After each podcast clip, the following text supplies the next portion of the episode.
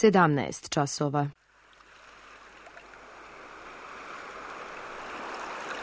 Radio Televizija Srbije. Radio Beograd 2.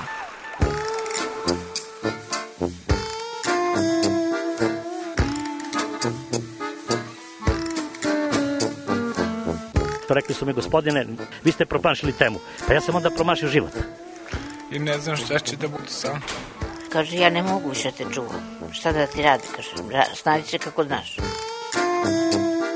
Mi smo kao u kafesu. Za nas to je najmrtvo. To je mrtvo za nas. Naročito. I ja bih želela neko da me usvoji. To bih želela. Govori da bih te video. Program dokumentarnog zvuka.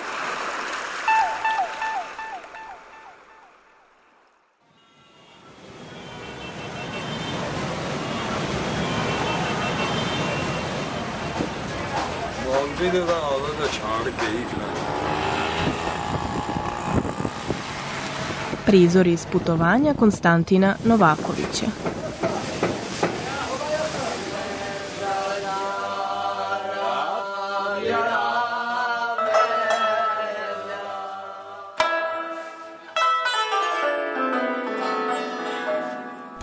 Danas svi putuju sa aparatom, s tim što taj aparat koriste na različite načine. Samo eto lutati negde i eto gledati ljude, zanimljive zgrade, čitati o istoriji, probati lokalnu hranu, to mi nekako odavno sam se ovaj, zasjetio toga. Svaka fotografija ima, ima neku priču iza sebe, to je sad, evo, na primer, Ovo je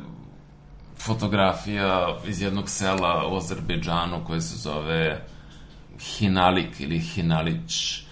na Kafkazu, blizu granice sa Rusijom, odnosno Dagestanom i ja sam tog čoveka upoznao dan ranije. Ja sam se u stvari uputio ka tom selu jer sam video fotografije i čitao sam neke tekstove i ona, i ovi, delovalo mi je kao da je to jedno autentično mesto na severu zemlje i eto, poželao sam tamo da odem i sad to je bilo pre nekih 6-7 godina, ali koliko se sećam, e, on mi je ponudio svoj uh, prevoz i ponudio mi je smeštaj uh, kod njega kući, što sam ja odmah prihvatio, naravno,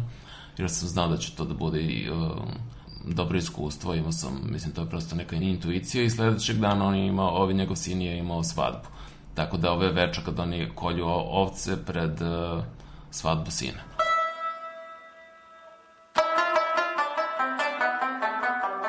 broj ili procenat ljudi koji su istinski posvećeni ovi putovanju i to putovanju tom nekom istraživanju nekih pojedinačnih fenomena i dokumentovanju, što u stvari meni danas jeste cilj e, prilično mali. Znači, ja zaista sam dosta toga u životu i žrtvovao zbog takvog načina života koji on, mogu slobodno reći da nije ni, ni socijalno baš poželjan i da mnogi to gledaju kao, eto, kao on samo putuje, ko je smisao toga i otkud mu pare i eto tako neke stvari. Ovi, da, inače, eto, da, ovi, sad mi pada na pamet uh, Pre nego što sam se zainteresovao za putovanje u ovoj meri, ja sam uvijek bio sakupljač nečega. Sakupljao sam razne stvari koje su me ispunjavale, koje su bile u stvari možda nekako ovi kompenzacija za, za neke druge stvari koje su mi falile u životu. Tako da sam sebe okruživao tako nekim ono, ovim materijalnim stvarima. Ne znam, dugo sam bio maketar, skupljao sam makete, sklapao ih, uh, Skupljao sam nosače zvuka godinama, išao na muzičke berze, imam hiljade ovi, ploča i, i kompakt diskova kod kuće, ali putovanje je, za razliku od materijalnih stvari koje želite i ovi, je u onom trenutku kad ih dobijete i kupite, vi polako gubite interesovanje za njih, putovanje. Od putovanja uvek u stvari dobijate više nego što ste očekivali. Evo, Na slici je, odnosno fotografisan je vozač jednog uh, Bedford uh, autobusa. U pitanju su lokalna sredstva javnog prevoza u Pakistanu i to je tema kojom sam se bavio, odnosno dekoracija uh, prevoznih sredstava u zemljama indijskog podkontinenta. Cena dekoracija samog vozila često prevazilazi cenu samog vozila, e, tako da u nekom smislu način na koji su ta vozila deko, dekorisana odslikava i neke stavove, politička i verska ubeđenja njihovih vlasnika, takođe one su i neko uh, stvar prestiža, zato što bogatstvom uh, te ornamentike se u stvari pokazuje u javnom prostoru socijalni status uh, vlasnika ili šofera.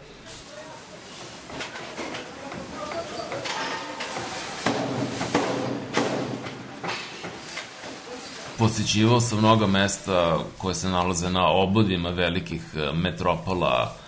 e, na primer u Indiji, ne znam, bio sam e, u,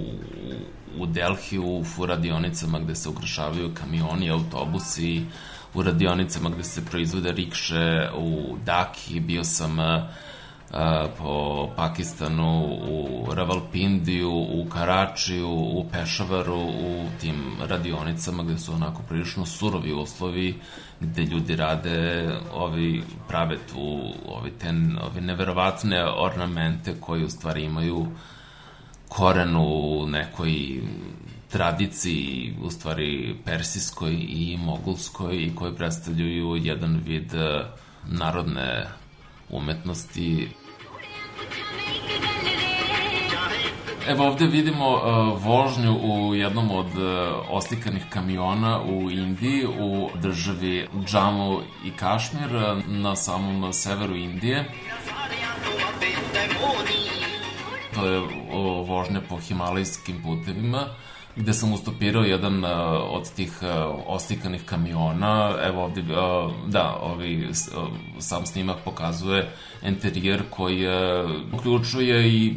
razne pregrade, fiokice, gde se skladišti hrana, onda ovaj, gorionik uh, sa, sa plinskom bocom, gde šoferi mogu da pripremaju ručak i eto, ja sam proveo pola dana uh, vozeći se između Kargila i Leha. Leh je inače glavni grad uh, Ladaka. Uh, gro putnika dolazi avionima ovaj, u Ladak uh, zato što izuzetno je teško i veoma mnogo vremena oduzime nekih uh, meni je trebalo oko dva dana i dve noći da dođem od Leha do, do Delhija uh, non stop vožnje autobusom i dan i noć a po strašnim uh, ovaj, u strašnim uslovima i na veoma velikoj visini što ni malo nije prijatno a eto ovi, ovi pokušao sam i da stopiram jer sam uh, eto želeo da, ovi, da doživim uh, kako je sa lokalnim šoferima to iskustvo putovanja takvim jednim putem i Mislim da je otprilike prvi kamion koji sam e, koji je prošao nakon što sam stao pored puta da, da se zaustavio i pokupio me je. I međutim samo putovanje je bilo prilično naporno jer taj kamion je bio, on, on je bio natoveren i maksimalna brzina je bila možda 30-40 km na sat, bio je izuzetno spor, na kraju se pokvario pa sam morao da ustopiram uh, jedan automobil, već je pa, ovaj, padala noć, ali eto, mislim, to je jedna od uh, avantura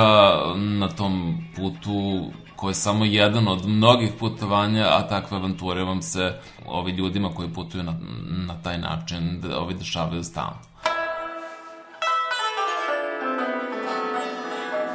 Pokušavam da posetim mesta koje malo ljudi uopšte posećuje, tako da uglavnom su to neke zemlje koje su ili pod nekom vrstom diktatorskog ili autokratskog režima ili se u njima odvija neki konflikt ili iz nekog razloga teško dobiti vizu, tako da ja se na neki način uvredim kad me neko nazove turistom, ne, ja sebe ove nazivam putnikom i veoma sam ozbiljan. Kada je to u pitanju, zato što da, mislim da i načina na koji putujem i interesovanja i neka podloga koji ima me odvajaju od te neke mase turista, a sad postoji naravno i neki drugi pogled da iz perspektive lokalnog stanovništva u tim nekim zemljama sam, ja sam zapravo turista jer ja eto idem okolo, trošim novac na lokalnu hranu ili smeštaj, idem okolo snimam aparatom, znači radim sve što rade i turisti, tako da je to sve onako prilično relativno.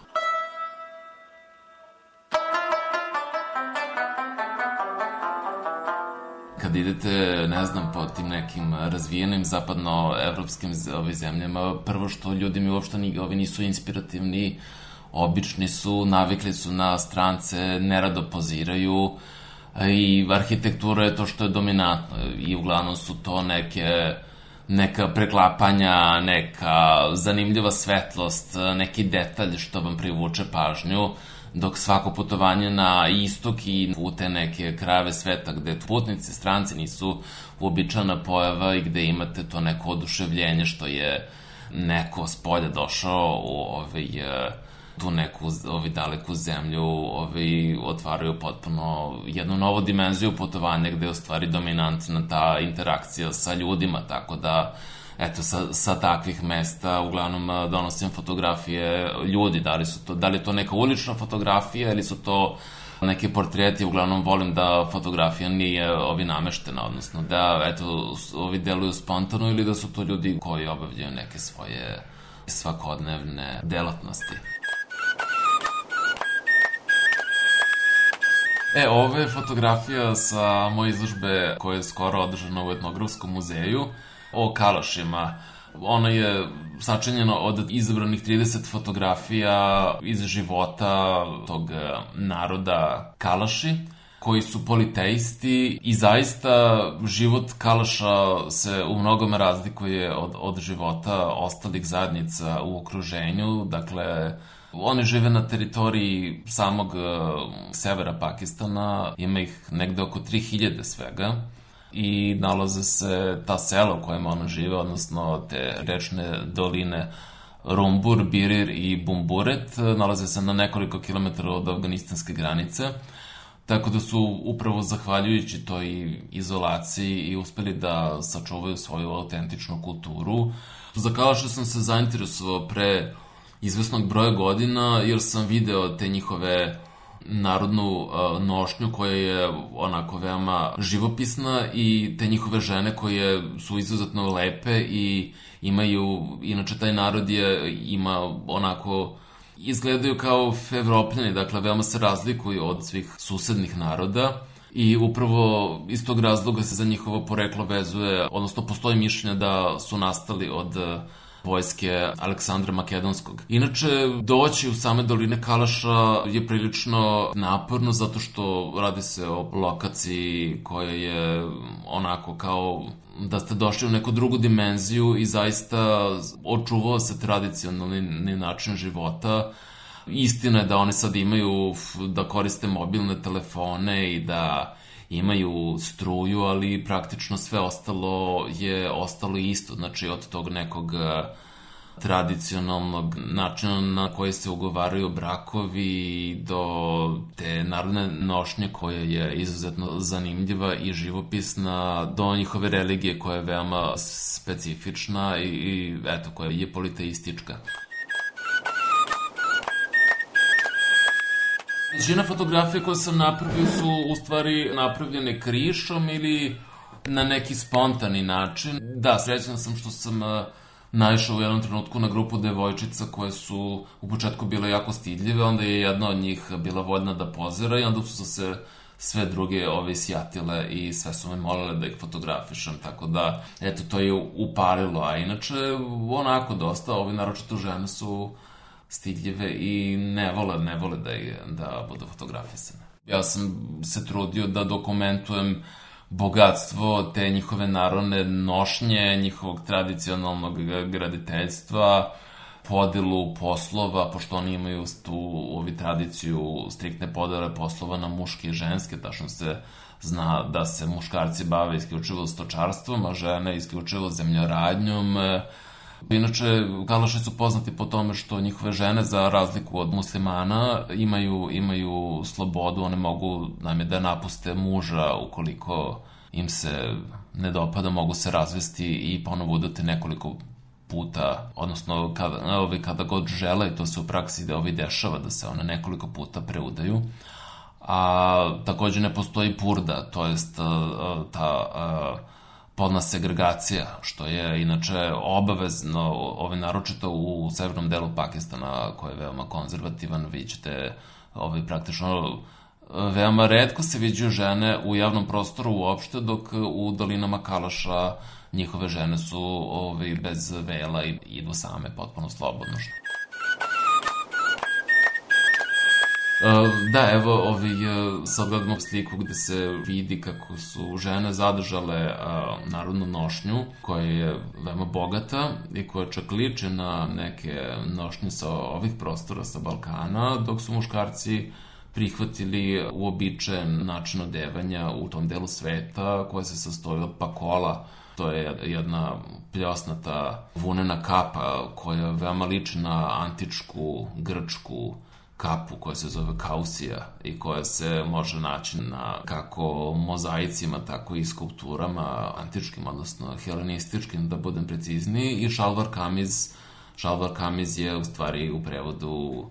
gaće i košulja, znači to je jedno dvodelno odelo koje je veoma ugodno zapravo. Ja sam tokom čitavog boravka u Pakistanu, da bih bio što ne, neprimetniji, bio odeven u, u lokalnu odeću. U Pakistanu to zaista ima smisla, zato što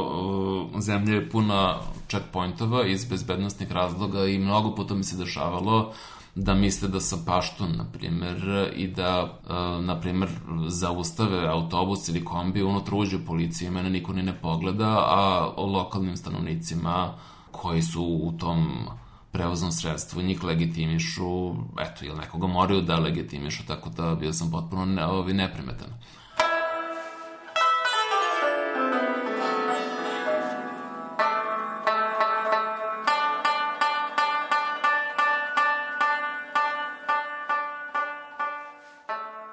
Pa u principu dosta toga može da se iskopa na internetu, ali Ali, da, kad idem, uglavnom pokušavam da iskopam informacije preko tih nekih uh, na primjer, gledam šta rade lokalni fotoreporteri, na primjer, ne znam, u Kazahstanu, pa vidim koje su to teme koje su oni istraživali i šta bi tamo moglo da se nađe, da se fotografiše, čak i vodim neki kalendar kad se šta dešava, kad su neki praznici uh, Zoroastrijanaca u Iranu ili neki hindu praznici u Indiji ili neki običaj, ne znam, na Balkanu ili u Turskoj i otprilike imam u glavi koje su to mesta koje bih volao da posetim i u kom delu godine. Tako da imam neke ideje, uglavnom je to što radim ne znam, možda bi se moglo nazvati i vizualnom antropologijom.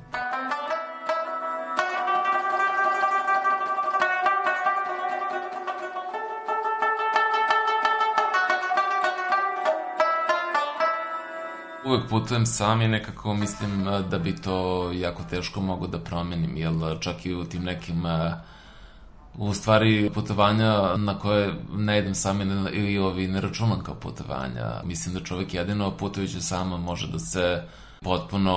otisne i da, i da potpuno upija svet oko sebe i da se, jer vi kad ovi putujete sa nekim, vi ste uvek upućeni na tog nekog drugog ili na, na te neke druge, dok kad putujete same, vi ste potpuno otvoreni za, za sve nepredviđene promene plana, ako vas neko pozove da prespavate kod njega ili ako vas neko ponudi hranom ili za ini, iniciranje bilo kakvog razgovora, neuporedivo je pogodnije putovati sam. U stvari to osjećanje slobode je takođe nešto što je meni su, suštinski bitno i što u stvari putovanje mi pruža. To je jedna situacija gde praktično možeš da budeš bilo koji, možeš da se pretvaraš da si bilo koji, gde ovi stupaš u veliki broj ovih interakcija sa ljudima, ali sve to površno, znači ne znam, čak i ti neke ljudi kod kojih e, spavam i, i, i provedem kod njih dan, dva ili tri ili, ili nedelju dana, to su ipak e, površna, ove, površna poznanstva i površni kontakti, tako da to je jedna, onako prilično mislim sa jedne strane fizički dosta naporna i zahtevna, ali sa te neke ovaj, druge ovaj,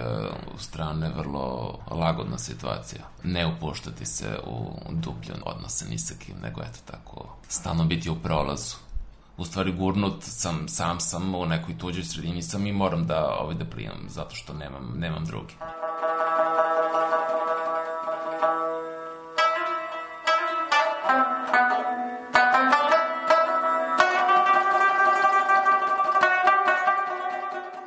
Jedna od tema kojima se bavim već određeni broj godina je sufizam, islamski misticizam i radi se o jednoj tradiciji koja je bila takođe prisutna na ovim prostorima tokom perioda turske vladavine još uvek se očuvala kako u Bosni, tako i na Kosovu. Osnovni obred u sufizmu se zove zikr i to je kada se derviši hvataju u halku, to jest u jedan krug i pevaju ilahije i ulaze u taj neki kontrolisani religijski trans.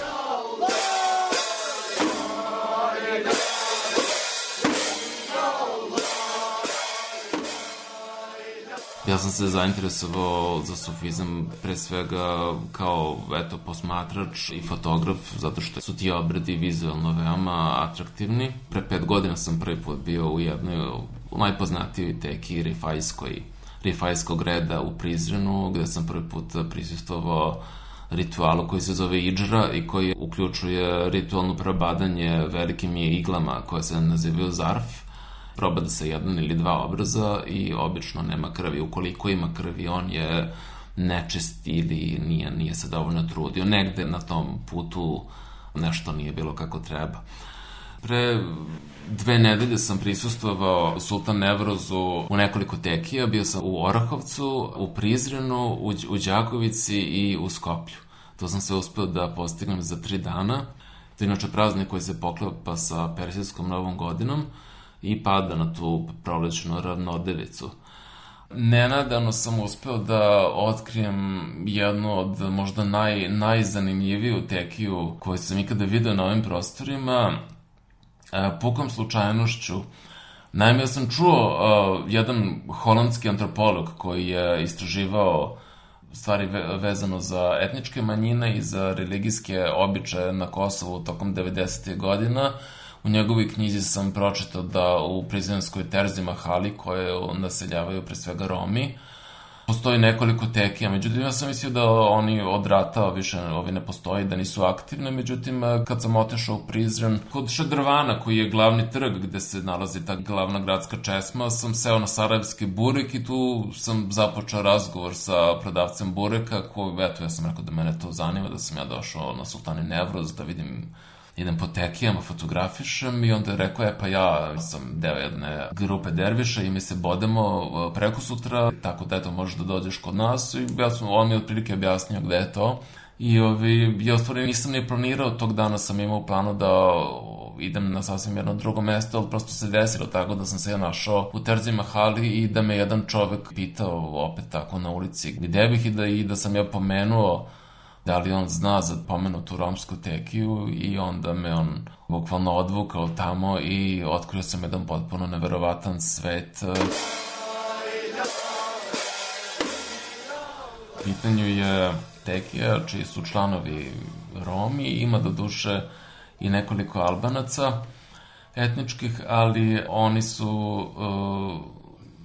objedinili su i sadijski i rifajski tarikat taj prostor u kome sam boravio je bio izuzetno mali i bio sam na svega par desetina santimetara od samih e, derviša koji su izvodili neke od aktova koje ja ranije nisam video, kao što je, na primer, e, sečanje jezika sabljom ili zasecanje vrata sabljom ili situacije u kojoj dvojica derviša postave sablju na stomak trećem i onda šejh skoči na njihova ramena, pa je zatim postave na vrat da derviša, pa on opet skoči na njih, ili derviše koji se probadaju u grlo ili koji probadaju deo neposredno ispod oka, koji se probadaju sa više igli, ali sve to i takako ima smisla, znači čitav taj obred ima jedan tok koji u jednom trenutku dostiže kulminaciju i obično se naglo završava, ali prosto to je jedna scenografija i jedan tok događaja koji e, se razlikuje od tarikata do tarikata i od tekije do tekije, ali drži se nekih, nekih osnovnih e, načela. Ja, ne, ja, ja.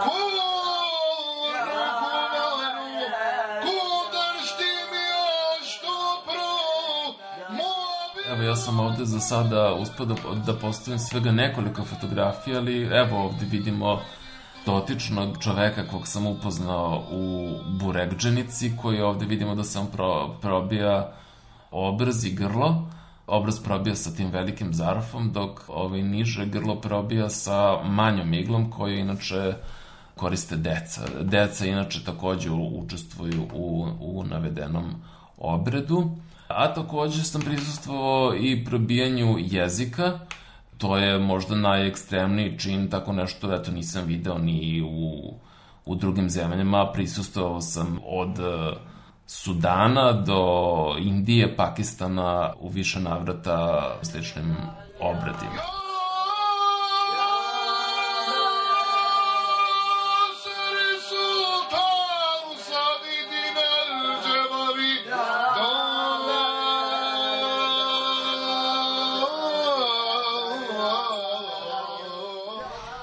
Evo ovde na ovim fotografijama sad postoji dosta materijala koji sam ja napravio, ali evo ovde se vidi čovek e, koji je probio svoj jezik e, nakon toga se ovaj dosta krvario, ali nastavio je da učestvuje u, u samom opredu. Vidio sam da su mu neke lekove dotvorili, verovatno za koagulaciju ili sad malo skačemo sa fotografije na fotografiju, ovde vidimo probadanje sa dve igle, jedna je kroz obraz, drugo je u oko, odnosno u ovaj deo neposredno ispod oka, inače ta koža znamo da je izuzetno osetljiva. Da, ja sam tu snimao iz donjeg rakursa što je dalo na, na dramatici, onako i bio sam vrlo, ovaj, koristio sam pet vrsta objektiva, znači od širokog ugonog normalca, standardnog zumaš, pišaj objektiva ribljeg oka do zuma, tako da sam uspeo da sto dobro da pokrijem čitav taj prostor. Oni su se prema meni po, ponašali kao prema gostu i kao prema nekom ko je tu dobrodošao. Rekao sam odakle sam, što se prizirno tiče, on je uvijek bio jedna ove, multietnička sredina, tako da nema tu nikakvih problema, pogotovo ne sa romskom zajednicom, veoma rado govore srpski, tako da nije bilo problema ni što se tiče sporozumevanja. Čak sam čuo da, da navodno postoje derviši negde na staroj Karaburmi, međutim ja takav podatak nikad nisam ovi čuo živeći u Beogradu, ali morat ću da se raspeta. Rekli su mi da postoje i u Zemun polju, s tim što znam da u Zemun polju postoje neki, neke improvizovane džamije, ali nikad nisam čuo da postoje derviši. Ja, me, ja.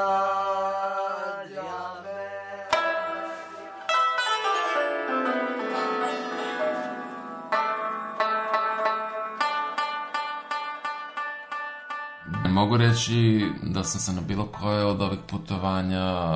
odlučio iz nekog računa, niti da sam ovi bilo koji od tih e, stvari koje sam dokumentovao radio sa nekim ciljem da na tome zaradim ili da, da to po svaku cenu plasiram. Prosto motivacija mi je taj neki rezultat u vidu fotografije i u vidu nečeg što ja doživim i, i naučim i te fotografije jesu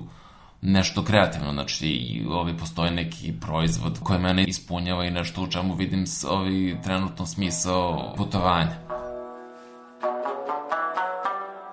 Nažalost, moram priznati da povratkom u taj neki ritam uobičajenog života kod kuće da nekako sva ta iskustva kao da gurnem po tepih i da se vratim u tu neku kolotečinu, a u stvari ta iskustva i taj materijal mislim da je nešto što je zaista bogatstvo i što me u velikoj meri me definišu, znači definišu me više nego neki poslovi koje sam radio, pa čak i više nego ta neka struka, odnosno te neke stvari koje sam učio u školi na fakultetu, e, zato što je to nešto eto, čime se ja zaista bavim i, i čemu se 100% dajem.